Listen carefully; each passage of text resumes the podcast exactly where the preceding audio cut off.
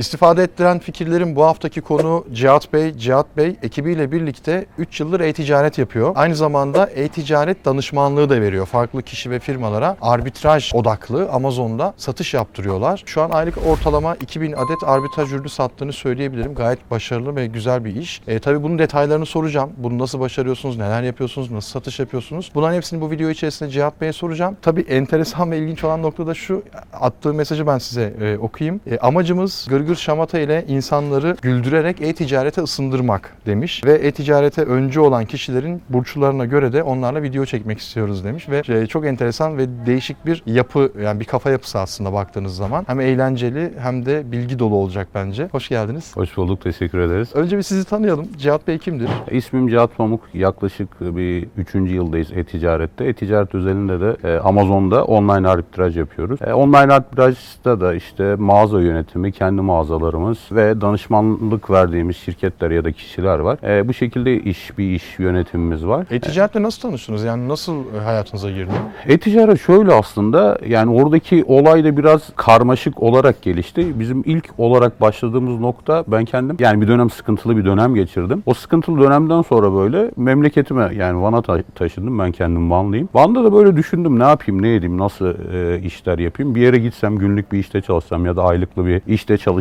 Dedim ki hani geçinemem. O zamanlarda böyle yani dediğim vakitler 7-8 yıl önce civarı yani günlük 50 lira 60 lira gibi gömmeler alıyorduk. Yani eve gideceğim, evliyim, çocuğum var işte 2 yaşında. E, neler yapacağım, neler edeceğim diye düşünürken birdenbire böyle bir temizlik şirketi fikri aklıma geldi oradan. Şimdi biraz uzun olacak ama hani oradan dedik ki yapalım, ne yapalım, ne edelim. İlk başlangıç nokta noktam cebimde 170 lira vardı o dönemde. Çok net hatırlıyorum. Kaç yıl önce? Yani bir 7-8 yıl civarı oldu. 170 lirayla gittim şeyi bastırdım. Bir 2000 tane broşür bastırdım. Aklımda da şey var. Şirketin adı da mis gibi temizlik yani. Onu yaptım falan. İşte yeğenim falan var. İşte gittik binaları geziyoruz. Broşürleri falan da dağıtıyoruz. Oradan işte ilk hafta bir 2-3 tane eve temizlik işine falan gittik. Tabii temizliği falan kendimiz yapıyoruz. Oradan iş gelmemeye başlayınca ben düşündüm ne yapılabilir, ne edilebilir falan. Sonra bir gün Instagram'dan bakarken böyle bir sponsorlu reklam karşıma çıktı. Dedim ki yani dedim bunu nasıl yapıyorlar, nasıl veriyorlar falan dedim. Baktım ki yani sponsorlu reklam ben de verebiliyorum. Biraz araştırmacı bir yapım var. Oradan temizlik şirketimin e, reklamlarına başladım yani. Günlük 50 lira, 100 lira gibi paralar vererek böyle müşteri aktığını gördüm yani orada. Daha sonra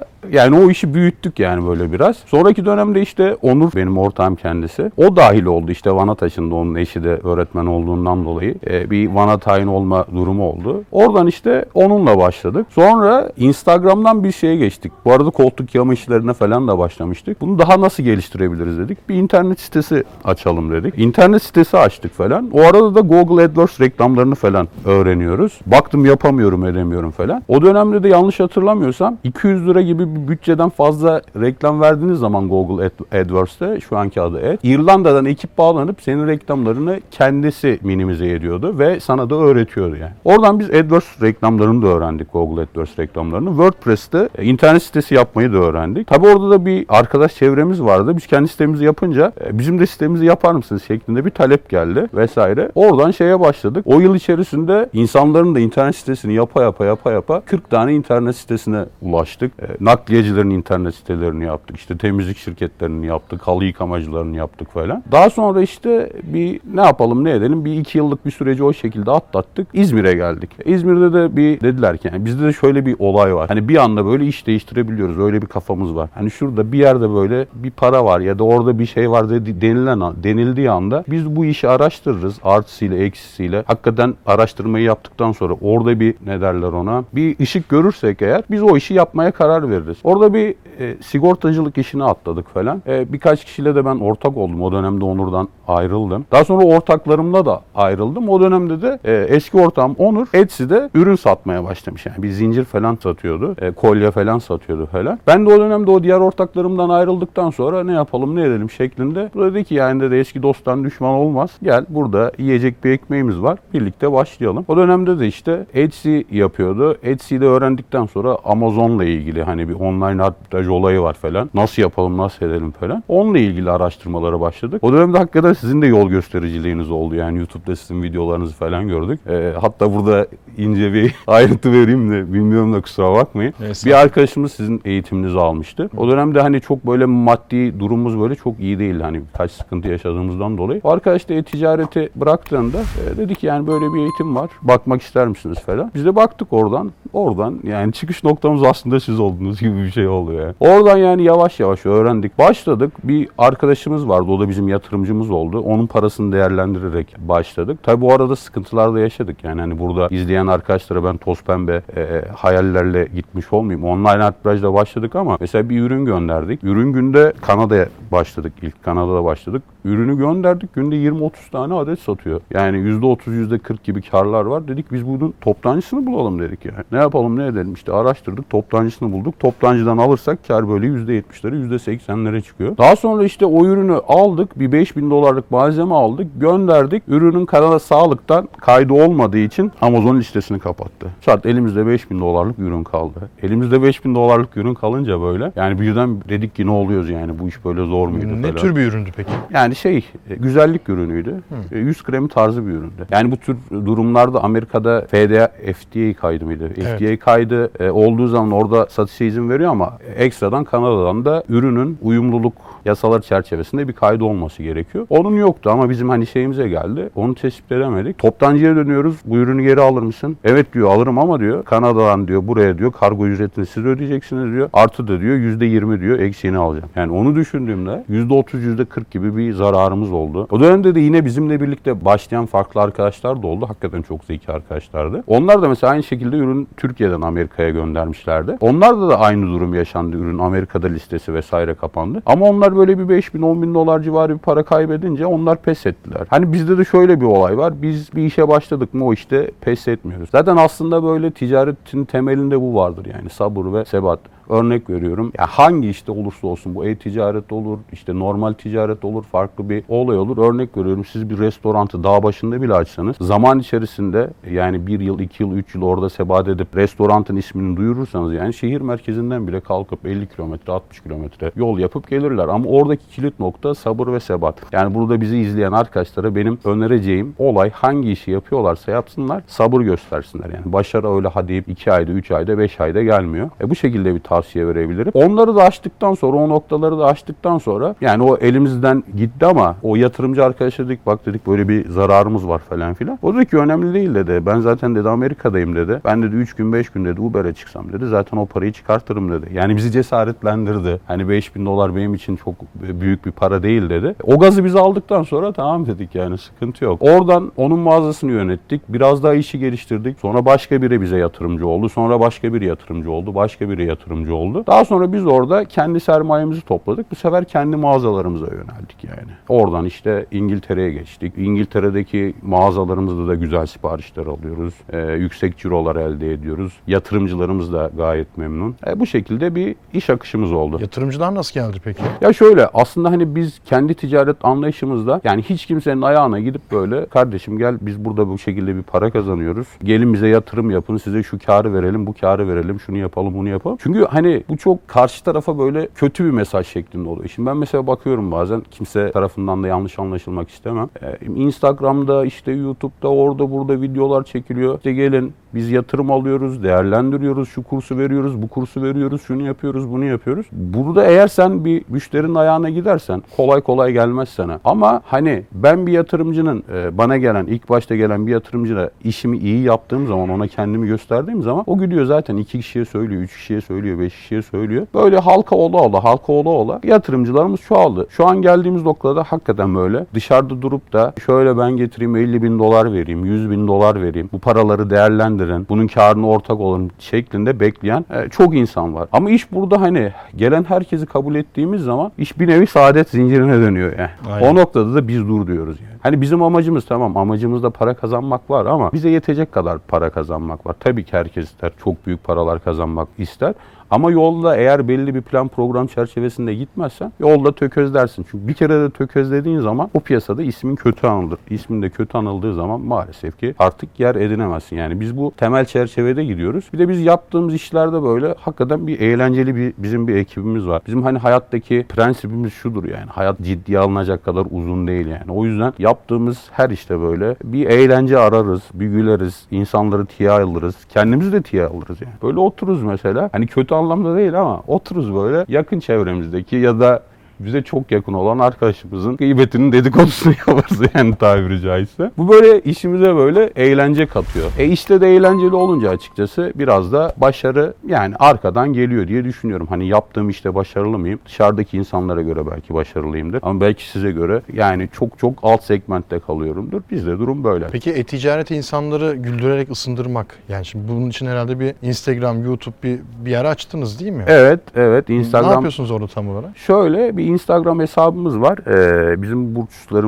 e, burçları yorum- yorumlayan bir arkadaşımız var Cemal. O burçların e-ticarette başarılı başarılı olması şeklinde bir e, video serisi var. Yani tüm Hmm. burçların olduğu. Bilmiyorum siz de kanalda paylaşmak isterseniz link de verebiliriz. Paylaşınız.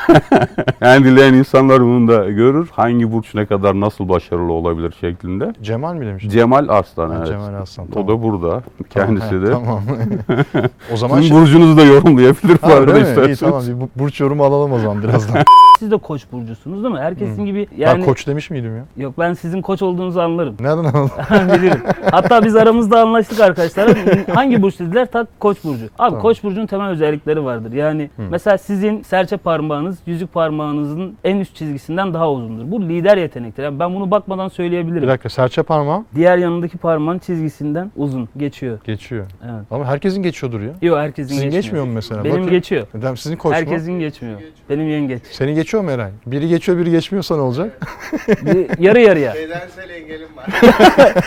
Şöyle abi Osmanlı'da en doğrunu alıp lider yapılacak çocukların serçe parmağına bakarlarmış. Ha, o çocuğun eğer serçe parmağı üstteki çizgiyi geçiyorsa bu çocuğa liderlik eğitimi verirler. Ha, o çocuk lider olur yani bürokrat olur gibi düşünebilirsiniz veya başka yerlere gelir. Ya tabii ki bunun bilimsel bir kanıtı yok ama bir kehanet insanlar arasında geziyor, deneye göre değişiyor ve insanların buna bakıp belirli şeyler ortaya çıkarması yani sonuçlar elde etmişler insanlar bununla alakalı. Ve temel özellikleri gerçekten biliniyor. Yengeçin duygusal olduğu, koçun işte lider ruhlu olması veya size bir şey söyleyeyim. Hani koç burcu mesela gülerken insanın gözünün içine bakar. Çok fazla yüzünü çevirmez. Ama su burcu öyle değildir. Su burcu gülerken yüzünü kaçırır mesela. Ut- utandığı için mi kaçıyor? Aynen hani öyle bir şeydir. Genel itibariyle böyle özellikleri var.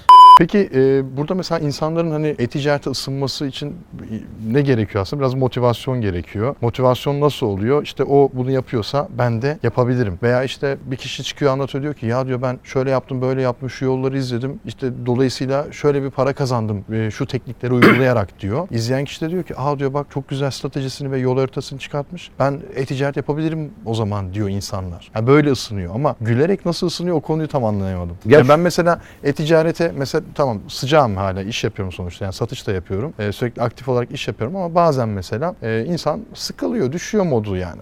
Her şeyi aynı yapıyorsun, her gün aynı geçiyor, aynı ürünleri satıyorsun, aynı ayda, aynı adette, aynı sto, aynı ülkeye, aynı depoya gönderiyorsun falan. Hep böyle bir rutindir mesela benim. Ben mesela yeni bir ürün bulmak için motivasyonum yok diyelim. Burada nasıl bir motive olacağım? E, gülerek. Ya orada nasıl bir örnek verebiliriz? Burada biraz düşünmem lazım kusura bakmayın. Burayı biraz gezemiyoruz. Bir tüyo alabilirim. Sufler arkadaşlardan nasıl bir şey önerirsiniz? Burada nasıl girelim yani?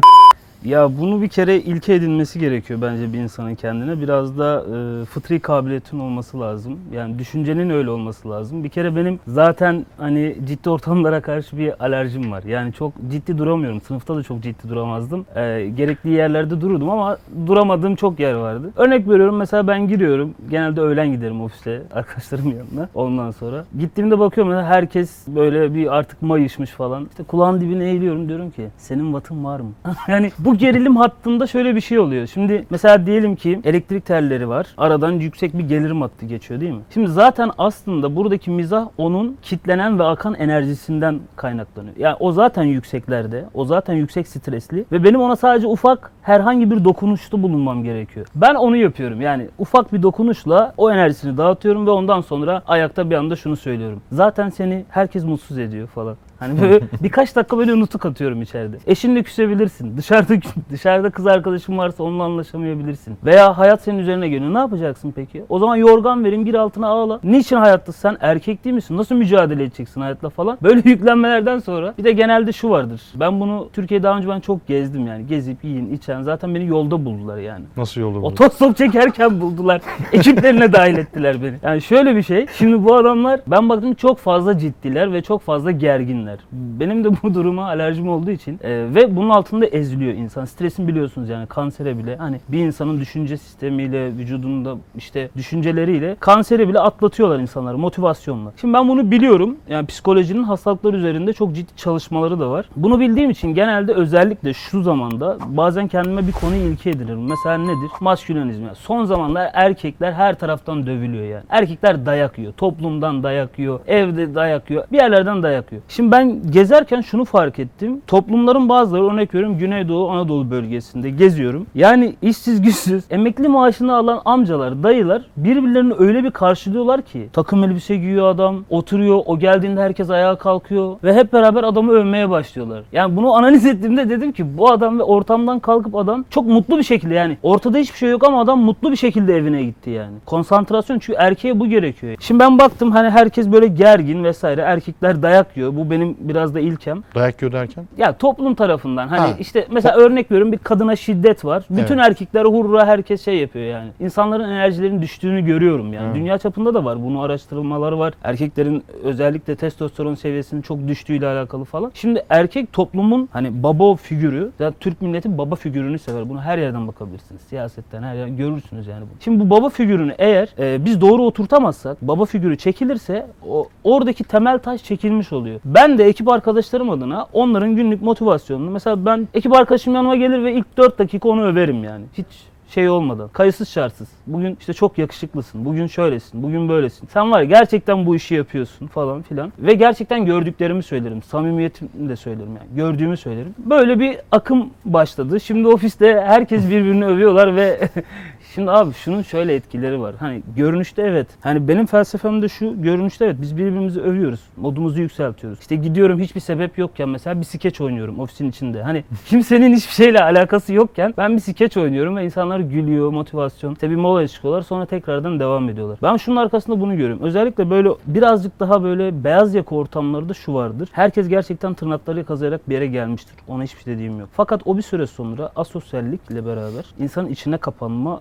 durumunu oluşturuyor. Şimdi bu içe kapanma bu sefer düşüncelere dönüyor. Çünkü insanda hareket etmenin hiçbir şey yok. Evrende hareket etmenin hiçbir şey yok. Zihin de hareket ediyor. Hareket eden zihin eğer dışarıya yansımazsa, doğru veya yanlış ölçeklenmezse kendine zarar vermeye başlıyor. Şimdi bunu bildiğim için ben insanlar birbiriyle iletişim kurmazsa gördü, baktı, selam vermedi veya ne düşündü? Ya işte yüz yüze geliyor sonra yüz yüze gelmemek için sonra molaya çıkmıyor. Bunları çok analiz ettim ben, gördüm yani. Şimdi ama herkes birbirine gördüğü zaman bugün çok güzel giyinmişsin ya. Adam geldi işte bak bu adam var ya e-ticarette şunu yapıyor veya bu adam yazılımda bu. Bu bir süre sonra rekabet hissini de ortadan kaldırıyor ve herkesin birbirinin güzel yönlerini görmesini, birbirinin güzel yönlerini fark etmesini sağlıyor. Bunun te- arka planında da şu var. Siz birbirinizin güzel yönlerini, karşıdakine çünkü bir şey söylemek istiyorsan onun güzel yönlerini göreceksin değil mi? Bunu hayatta da yapmaya başlıyorsun. Kendine yönelik de yapmaya başlıyorsun. Başına bir olay geldiği zaman olayın güzel yönleri. Aslında güzel bakma, güzel görme, güzel düşünme edinimini insanlara kazandırmaya çalışıyorum. Kendimle beraber. Cihat Bey de şey dedi ya, e, hayat ciddiye alınmayacak kadar kısa zaten dedi. Evet. Ve bunu güzel geçirmek lazım hayatı. Evet. Doğru. Ha, tamam ciddi bir iş yapıyoruz yani güzel bir iş yapıyoruz. Yani yap ofis ortamında, yani e-ticaret olarak söylemiyorum. Bütün insanlar olarak söylüyorum. Herkes ciddiyetle bir iş yapmaya çalışıyor. Evet. Ama burada eğlenemediğin zaman, motive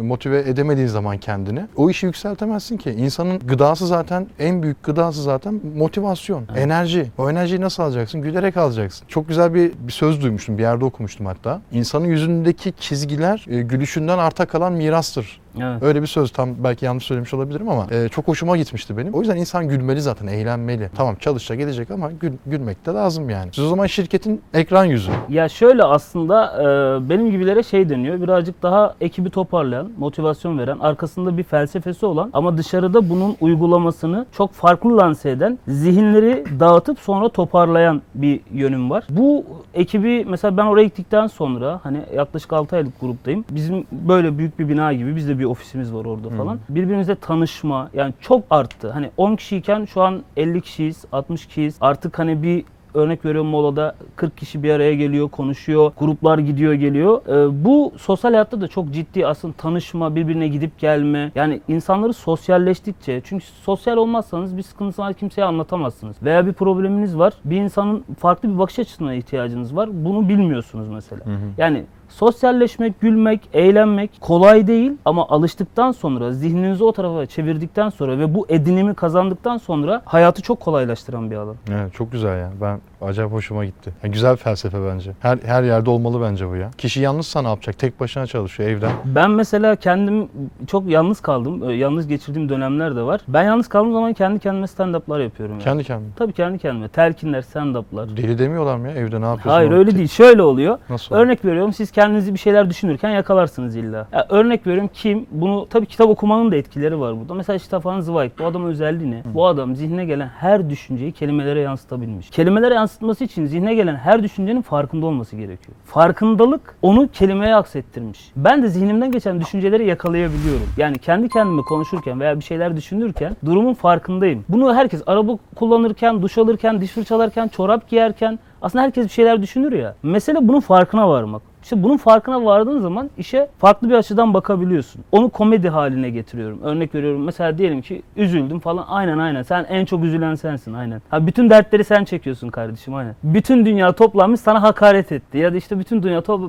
Bütün dünyanın sıkıntısını sen çekiyorsun. Senden başka hiçbir sıkıntı çeken yok. Peki daha spesifik bir şey söyleyeyim. Özellikle freelance çalışanlar, evden çalışan, bazen ya da kendiyle baş başa kalan bir sürü işi olan bir insan. Mesela benim son bir ay önce aklıma gelen bir şeydi. Evdeyim, evden çalışacağım o gün. Dedim ki bu hafta evden çalışacağım. İşler de çok. İşlere bakıyorum, uuu bir sürü iş var. Baktım şöyle bir. Oradan mı başlasam, şuradan mı başlasam, yok bunu mu yapayım falan derken bir saat geçmiş ya. Bir saat böyle nereden başlasam diye düşünmüşüm. Ya diyorum bir, bir saat bunu düşüneceğine bir yerden başla. En azından üç tane işi çözersin bir saatte değil mi? Evet. En sonunda canım sıkıldı. Attım e, bilgisayara bir, köşe, bir, köşeye. Bildiririm halde. E, başka bir şeye devam. Şimdi ben orada kendime kendime ne yapacağım mesela stand up yapıyorum? Şöyle e, Örnek bir proje. Şimdi ben stand-up yapıyorum. Yani ben kendimi tanıdığım için herkes kendini tanır. Yani ben genelde neyimdir? Ben zaten yengeç burcuyum. Yengeç burcu karamsarlığa çok yatkın bir burçtur ama çok neşelidir de aynı zamanda. İşte bulsa mesela siz koçun nesiniz? Koçun dini var. Koç normalde lider ruhludur ama genelde sözleri kırıcı olarak bilinir koç. İnsan ilişkilerde çok başarılı değil gibi bilinir. Ama siz şu an nirvananızı yapıyorsunuz. Birini alıyorsunuz buraya, konuşuyorsunuz, samimi sohbetler yapıyorsunuz ve bunu topluma kazandırdınız. İşte mesele kendi özellikleriyle beraber kişinin kendi nirvanasını yakalaması. Ben kendimde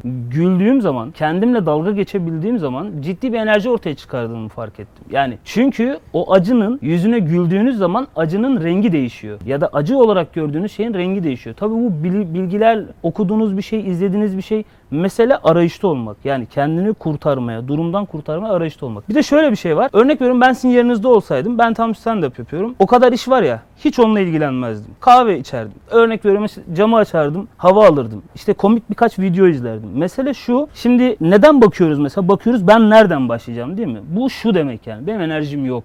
Enerjim var ama zihnim dağınık. Odaklanamıyorum şu an. Ne lazım? Depo lazım. Depolanmak lazım. Zihninizi biraz dağıttıktan sonra arada işlerin birikmesi, o çekim alanına girdiniz çünkü. Güldürdünüz kendinizi, eğlendirdiniz. Zihniniz dağıldı ama işler birikiyor. İşte orada kafayı dağıtıp o çekim alanınıza düzgün yaklaştığınızda tak bir başlarsınız. 5 saatte bitirdiğiniz işi 2 saatte bitirirsiniz. Ben genelde böyle yapıyorum. Hayatım boyunca sınavlarda da hep böyle yaptım. Hep en son gün çalışan, en son gün kitap okuyan, kitap ezberleyen bendim. Ama notlarım da hep yüksekti mesela. Mesela bizim şeyde de öyle. İşte Amazon'da satış yapıyoruz. Yeni ürün araştıracağız mesela. Bir ürün bulmamız gerekiyor. Şimdi nasıl ürün araştıracağını biliyorsun, ne yapman gerektiğini biliyorsun ama en iyi bildiğin şey de şu. En az 5 saate ihtiyacım var. Full konsantre çalışman lazım. Şimdi 5 saatte acıkırsın, tuvaletin gelir, ne bileyim e, uykun gelir, canın sıkılır, bir kalkmak, yürümek istersin falan derken o 5 saatin 2 saati çöptür zaten. 3 saatin full konsantre. Evet. Şimdi bir insanın full konsantre 3 saat çalışması demek muazzam bir şey tabii. Şimdi burada mesela ben kendimi nasıl motive ediyorum? Diyorum ki ya diyorum sen diyorum ki ben, benim özelliğim o zaten. Yani ben kendimi o konuda çok iyi tanıyorum. Bu senin görevin. Bugün ne? İşte pazartesi. Sen bunu salı gününe kadar bitirmen gerekiyor.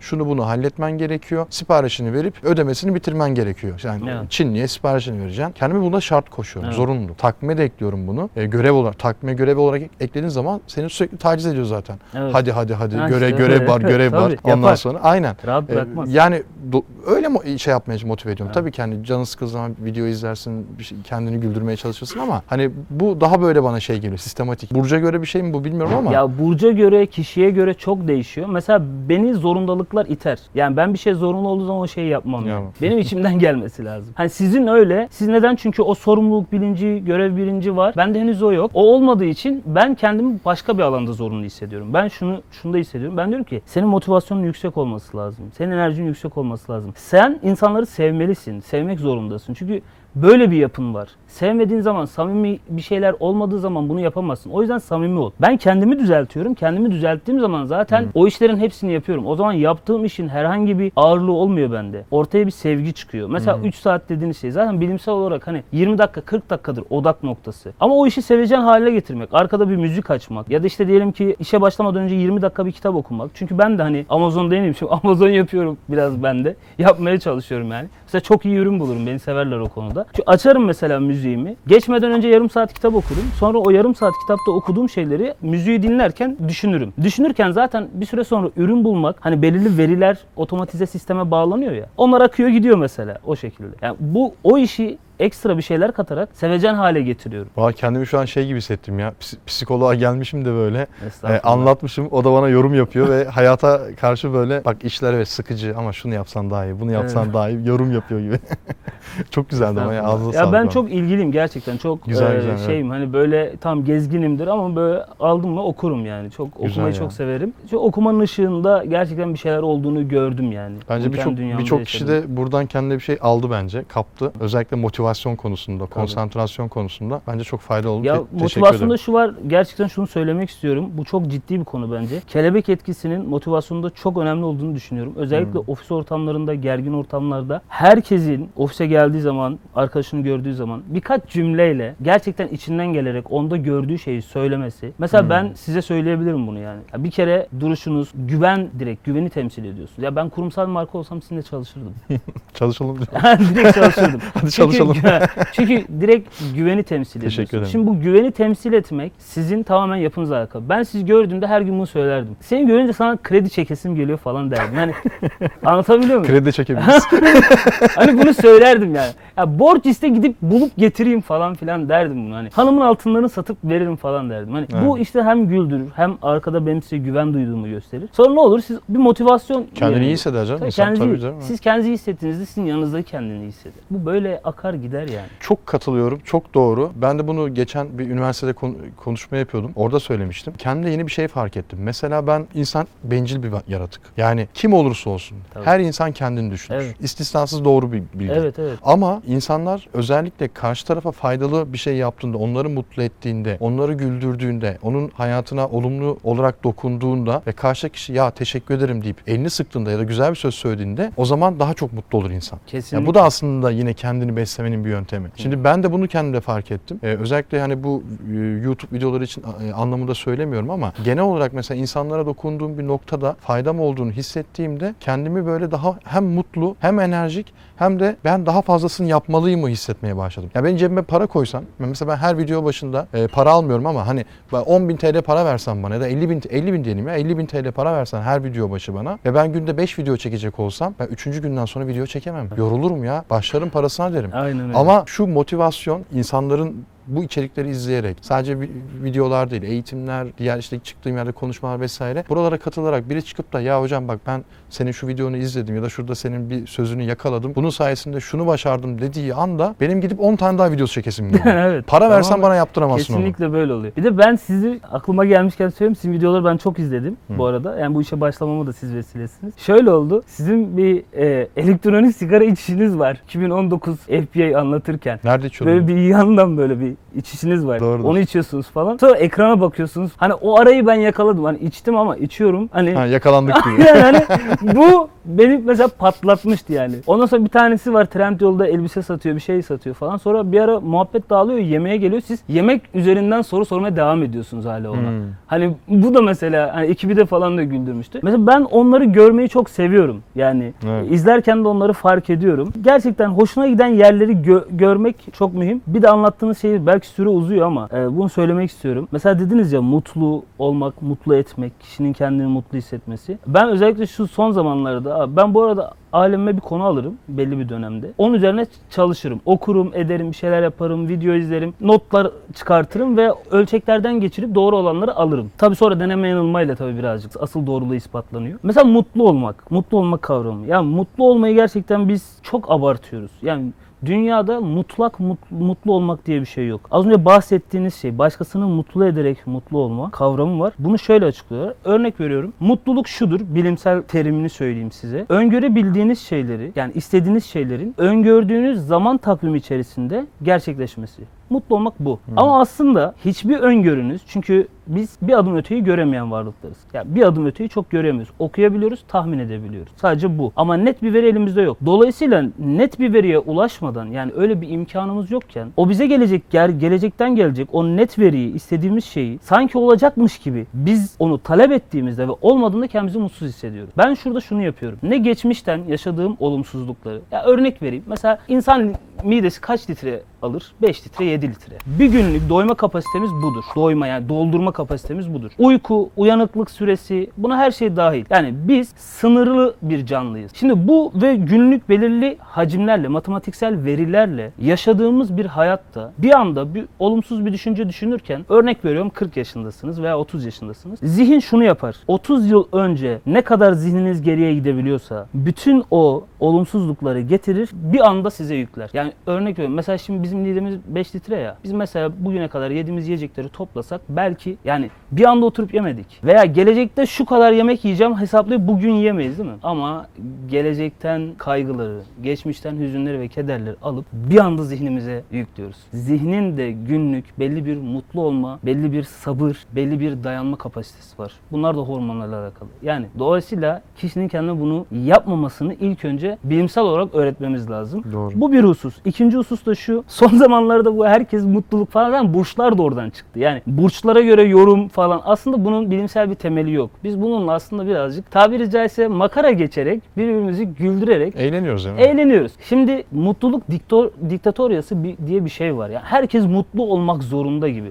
Ya insana baktığımızda evren insana çalışıyor. Evren insana çalışıyor. Ama evrende kendine çalışan hiçbir canlı yok. Her şey varoluşunun başka bir yönüne hizmet ediyor. İnsan da böyle. Ya insan da bütün bütün kendine çalışmıyor. Kendine bakan yönü birkaç tane. Ama bakın mesela biyolojik olarak bir erkek doğdu bir mesela siz ne yaptınız? Bir alanda derinleşmiştiniz, uzmanlaştınız, bir iş kurdunuz. Etrafınızda binlerce insan, milyonlarca izleyici kattınız. Sizi görenler geliyor. Bir akım oluşturdunuz değil mi? Bunu iş alanında bunu yaptınız. Sonra evlendiniz. Belki başka, belki çocuğunuz var yok bilmiyorum. Hani bunu yaptınız. Bunların hepsi ne içindi aslında? İşimizi başarıyla gerçekleştirmek için aslında. Para kazanmak, başarılı bir iş kurmak, Bu var. amaca ulaşmak. Amaç işte amaç şu. Aslında amaca baktığımızda bunların hepsi biriyle ortak bir hayat yaşamak. İlk çıkış ilkel temel duygulardan bahsetmek istiyorum aslında.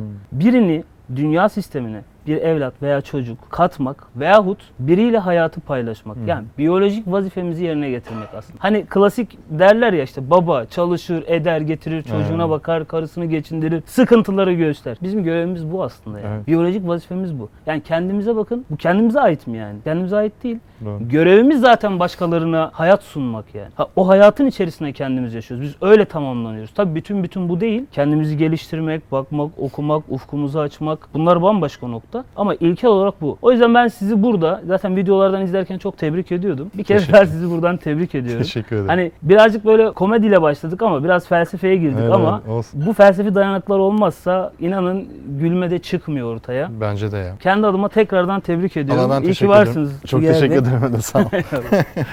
Harikaydı. Ya şimdi mesela bizim çıkış noktamız şu oldu. Şimdi biz bir- yakın zamanda bir arkadaş bizim ekibe dahil oldu. Onu da ben söyleyeyim. Muhtemelen izleyecektir bizi. 5-6 ay falan oldu. Onun kafasındaki şuydu. Gitti geldi gitti geldi bizim oraya falan. Ya dedi ki ya çok affedersiniz. Beni örnek al dedi ki bu mal yapıyorsa dedi ben de yaparım herhalde.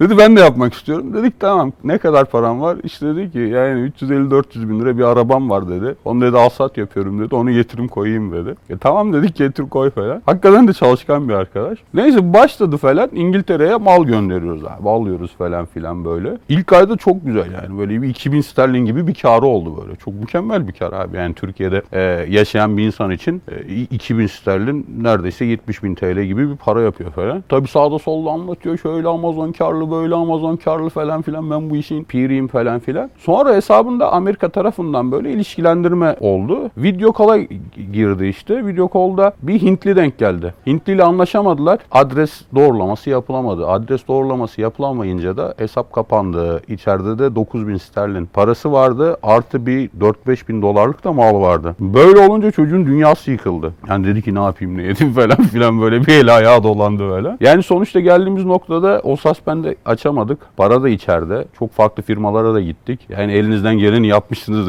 dediler bize yani. Hani bundan sonrası bizde de yok dediler. O çocuk da mesela tam vazgeçecekti. Vazgeçmedi. Tekrardan bir yerden para falan buldu. Şimdi tekrardan yine başladı. Yine devam ediyor. Ama o da hani bizim için bir tecrübe. Biz hani diyoruz ya 3 yıldır bu işi yapıyoruz ama 3 yıldır hiçbir şekilde bir suspend türü adres doğrulamasından yaşamadık yani. Hani Evet. Çok sıkıntı bir durum ama adamın tüm parası gitti buna rağmen tekrar girdi tekrar çalışıyor abi. Peki arbitraj yaparken ürünleri gidip e, mesela perakendeciden mi alıyorsunuz, toptancıdan mı? Şöyle biz arbitraj yaparken ürünleri tamamen online yani işte Walmart, Target, Amazon.com, Amazon.com. Aslında ticaretimizin %80'i, %90'ı e, com to işte Kanada, com to UK şeklinde Nasıl dönüyor. kargoluyorsunuz Amazon Kanada'ya? E, şöyle Amerika'da biz ara depo kullanıyoruz. E, oradan e, yani sipariş şeklinde malları ara depoya çekiyoruz. Ara depodan da etiketleme işte kutu etiketlidir, kutulama şeklinde ürünler ürünleri kargo şirketleriyle birlikte Kanada'ya ya da İngiltere'ye gönderiyoruz. Bu şekilde bir satış ağımız Şimdi mevcut. Amerika'dan Kanada'ya gümrük vergisi var. Kargo Evet. bedeli de biraz yüksek tabii. Evet. E, sanki Çin'den yolluyormuşsun gibi yolluyorsun yani Kanada'ya. Tabii kargo maliyetleri çok yüksek, Evet. gümrük maliyeti de yüksek. Nasıl kar ediyorsunuz orada? Ya şöyle şimdi bizim kendimize göre bulduğumuz e, diyorum ya hani bir şeyde ekip varsa ben mesela tek başıma bir hiçimdir ama benim bir ekibim varsa oraya oturup konuşup böyle bir çalışmalar yapmışsak eğer tam hani biz eğitimlere baktık piyasada falan ama işin %70'lik %80'lik kısmında biz geliştirdik. Çünkü size söyledim ya eskiden biz işte Google AdWords reklamları yaptık işte WordPress siteleri yaptık sosyal medya danışmanlığı yaptık. Bir dönem mesela şeye de girdik onu da es geçtim hayat hikayemde anlatmadım ama e, Bitcoin borsalar borsasına girdik mesela. Orada şeyi öğrendik mesela coin sepeti diye bir olay vardır. Atıyorum 20 20 farklı coin alırsın. Birisi çok yüksek kar ederken diğerinden zarar edersin ama ortalamasında kar edersin. Şimdi biz de ilk başta normalde toptancı mantığına girdiğimizde baktık ki hani tek bir üründen e, yüksek adette ürün gönderdiğin zaman e, bir başına bir şey geldiği zaman o malın tamamen zarar ediyorsunuz. Burada da biz çok fazla çok farklı çeşit ürün göndermeye başladık yani. Hani tek seferde 22 kiloluk bir ko- kolye atıyorum 15 farklı ürün gönderiyoruz. Bunların kimi zaman bir ürün çeşidinden 5 adet oluyor, 10 adet oluyor, 20 adet oluyor. Yani şöyle oldu 22 kiloluk kolye 500 adet ürün bile sığdırdığımız oldu. Dolayısıyla hani bu şekilde yapınca ve bizim bulduğumuz birkaç yöntemle çok fazla sayıda online arbitraj ürünü bulabiliyoruz yani. Yöntem nasıl yöntem mesela? Ya fikir olarak şöyle olabilir. Zaten işin içerisine girince arkadaşlar da görecektir. E, piyasadaki programlardan işte Helium 10, Kipa vesaire bunları harmanlayarak e, birkaç yöntem bulabilirler. Biz nihai derecede geldiğimiz noktada zaten kendi yazılımımızı da e, yaptık. Amaç orada şey mi hani Am- Amazon Amerika'da işte atıyorum çoğu kişi böyle yaptığı için söylüyorum tabii bu çok sır bir durum değil. Özel günlerde bazı günlerde ürünler indirime giriyor mesela Amerika'da. Şimdi indirimden %30 %40 aşağıda alıyor e, kan- e, ve ürünü bekletiyor. Kanada'da diyelim ki ürün atıyorum %70 daha pahalıysa ve bu aradaki fiyat farkını yakalıyorsa tamam diyor ben bunu alayım Amazon Kanada deposuna göndereyim. Ya aslında o da değil. Hani bizim bulduğumuz yöntemden ipucu olması açısından şöyle söyleyeyim. Şimdi mesela tactical arbitraj gibi programlar kullandığınızda mesela atıyorum asin eşleşmesi olmadığı için birebir e, Amazon özelinde söyleyeyim bunu. Çok fazla ürün bulamıyorsunuz. Yani bir gün oturup 5 saat 6 saat emek verdiğinizde dahi 5 5 tane 6 tane 7 tane ürün bulabiliyorsunuz. Ama Amazon özelinde örnek veriyorum Kanada'daki bir asinle e, Amerika'daki asin, İngiltere'deki ürün asini aynı oluyor zaten. Dolayısıyla bunları siz meç ettiğiniz zaman aradaki Amazon kesintilerini, ara depo kesintilerini vesaire bunların hepsini hesapladığınız zaman chat size direkt alacağınız karı veriyor. Yazılımlar aracılığıyla örnek veriyorum Kipa'dan. Ürünün satış hangi fiyattan satılmış, ne kadardan satılmış, kaç adetten satılmış gibi verilerini istatistikler, istatistiksel bilgilerini de yorumlayabildiğiniz zaman zaten diyorsunuz ki bu üründen ben atıyorum 10 adet göndereyim, 5 adet göndereyim. Bu ürün bu kadar satılır diyorsunuz ve karar verip gönderiyorsunuz. Yani buradaki temel amaç asinlerin birebir uyuşması. Aynen. Böyle açıklayabilirim yani. Evet. Mesela şey de var hani izleyenlere fikir olsun diye söylüyorum. Şimdi Kanada, Avustralya, İngiltere gibi Amazon ülkelerinde e, çok yüksek yorumlu ürünler var ama o ülkelerde o kadar yorum gelmez o ürüne. Orası bir Amerika değil. Amerika'da mesela bir ürüne 50 bin tane yorum geldiği zaman şaşırmıyoruz. Gelmiştir diyoruz ama e, Kanada'da, Meksika'da ya da işte Arap Emirlikleri'nde, Singapur'da bir üründe 50 bin tane yorum görürsek ben direkt şunu söylüyorum. Aa demek ki bu ürün Amerika'da var. Amerika'da olduğu için aynı asinle birisi bu ülkede listelemiş. O yüzden yorumlar otomatik işte Kanada'ya aktarılmış, Meksika'ya aktarılmış yorumunu yapıyorum. E, ve otomatik olarak zaten o ürünü aynı asinle Amerika'da bulma olasılığın %100. Tabii tabii aynen öyle. 99 veriyor, Yani o da %100. var. Bir de zaten şöyle bir olay var. Şimdi Amazon'daki olay hangi ürünün ne kadar sattığını merak Amazon'da öyle bir veri yok tabii. Hani bu ürün bu kadar satıyor, bu kadar adette satıyor. Ama oradaki sales rank sıralamasına Tahmin göre verisi veriyor yine ürün sayfasında tabii. 500 adet e, bu ay sattı diyor mesela Amazon. o yeni çıkan bir Tabii, özellik tabii, yeni, herhalde. yeni. Onur değil mi? Aynen. Yeni çıkan son birkaç aydır çıkan bir özellik. Ama ondan öncesinden bizim hani tahminlerimiz sales rank üzerinden gidiyordu yani. Sales rank işte 1 2 3 5. Burada mesela yani en iyi yazılım şu diyebilirim hani şu an piyasada Kipa. Kipa'dan hani sales rank özelinde böyle kriterler belirleyerek ürünler ara, aradığınız zaman zaten size satılan ürünleri veriyor. Onun da zaten Amerika'dan karşılığını bulduğunuz zaman asinlerle zaten bulunuyor. Karşılığını bulduğunuz zaman ne kadar kar edeceğinizi, ne yapacağınızı otomatikman buluyorsunuz. Buradaki hani temel şey de çok satan ürünlerde çok fazla kar olmuyor. Ama mesela atıyorum ürün aylık 10 adet satıyor, 5 adet satıyor. Ama ürünün mesela satış fiyatı çok yüksek. 150 150 sterlin, 200 sterlin, belki 500 sterlin. Şimdi bu ürünü tespit ettiğin zaman aylık 10 tane satıyor ama listesinde bakıyorsun bir ya da iki kişi var ya da hiç kimse yok. Gönderen de korkuyor böyle. Bir adet iki adet gönderiyor. Dolayısıyla ben bu üründen iki adet üç adet gönderiyorum. Satar diyorsunuz ve 3 adet ürün satarak belki 300-500 dolar para kazanıyorsunuz. Günün sonunda e, 5 dolarlık 10 dolarlık üründen 200 tane satsanız e, diğer pahalı üründen de 3 tane satsanız aynı şeye geliyor. Yani. Amazon hiç dönüp sizden fatura istemiyor mu? Bu sonuç arbitraj yapıyorsunuz. Markalı ürün satıyorsunuz. E, hadi bana bunun faturasını ver. E, minimum 10 adet olmalı faturada. Sonuçta böyle bir şartı var Amazon'un. Tabii tabii Amazon bunu istiyor. Ne yapıyorsunuz? Ee, şöyle, şimdi Amazon.com'dan biz Business tarafından, Business Prime üzerinden ürünleri alıyoruz. Business Prime'da da şöyle bir olay var. Aslında orası bir nevi böyle toptan satışa yönelik bir olay. Oradan fatura vermiyor. Sipariş özeti veriyor orada. O sipariş özetini gönderdiğimiz zaman çoğunlukla %80, %90 oranında bu sipariş özetlerini fatura olarak kabul ediyor. Kabul etmediği durumlarda da e, biz ekstradan bir defa, iki defa, üç defa, beş defa deniyoruz. En sonunda nihai derecede e, kabul ettiriyoruz yani. Hani bu şekilde bir süreç var yani. Hatta yani şeyi de söyleyeyim. Kategori açmaları falan da e, bazı zamanlarda onlarla yaptığımızda oluyor yani kabul ediliyor. Ya Amazon'da satış eskisi kadar zor değil zaten. Yani eskiden 2018-2019'da çok başımız ağrıyordu yani özellikle arbitraj yaparken. Şimdi Amazon çok fazla sorgulamıyor. Şikayet geldiği zaman problem çıkartıyor Amazon. Müşteri mesela marka bir ürünü aldı. E, dedi ki bu orijinal değil. Amazon o zaman dur bir dakika diyor. Sen diyor sahte ürün satıyorsun. Bana faturasını gönder. İşte o zaman çok büyük sıkıntı oluyor.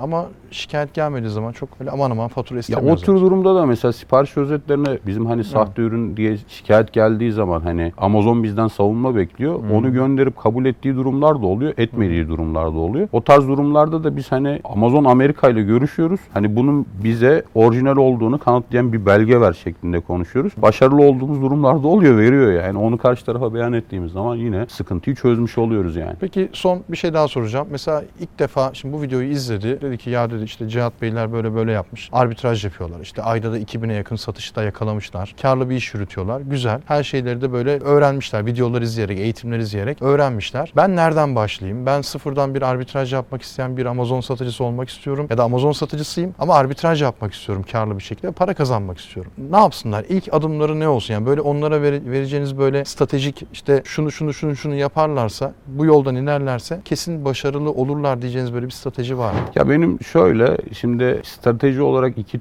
iki tarz strateji ben hani arkadaşlara bizi izleyebilecek arkadaşlara verebilirim. Birincisi eğer etrafınızda arbitraj işiyle uğraşan Amazon'da satış yapan arkadaşlarınız ya da çevrelerinizden birisi birileri varsa gidin onların yanında böyle para almadan 3 ay, 5 ay, 6 ay çalışsınlar. Yani oradan bir işi öğrenmeye çalışsınlar. Yani orada eğer sabredip sebat edip o 5-6 ay süreç içerisinde işi öğrenebilirlerse sonra kendi mağazalarını açıp devam etsinler. Bu bir. Yani birinci tavsiyem bu. Bu çok güzel de bir olay yani. Hani birilerinin yanına Tabii. gidip böyle ne derler ona Amerika'yı tekrardan keşfetmeye gerek yok yani. Zaten hali hazırda biren birileri yapıyor. İşte bizim yanımıza geliyor arkadaşlar çalışmak için hani. Biz bu işi öğretiyoruz. Öğretirken de kendi mağazanızı açmak ister misiniz diyoruz yani. Hani orada bir öyle bir desteğimiz oluyor. Mağazalarını da açıyoruz. Orada destek veriyoruz. Hani kendi mağazalarını yönetmelerine de elimizden gelen yardımı veriyoruz. Böyle bir ekip bulabilirlerse ne hala yani. Çok iyi bir olay. Bu birinci yöntem. İkinci yöntemde de şöyle.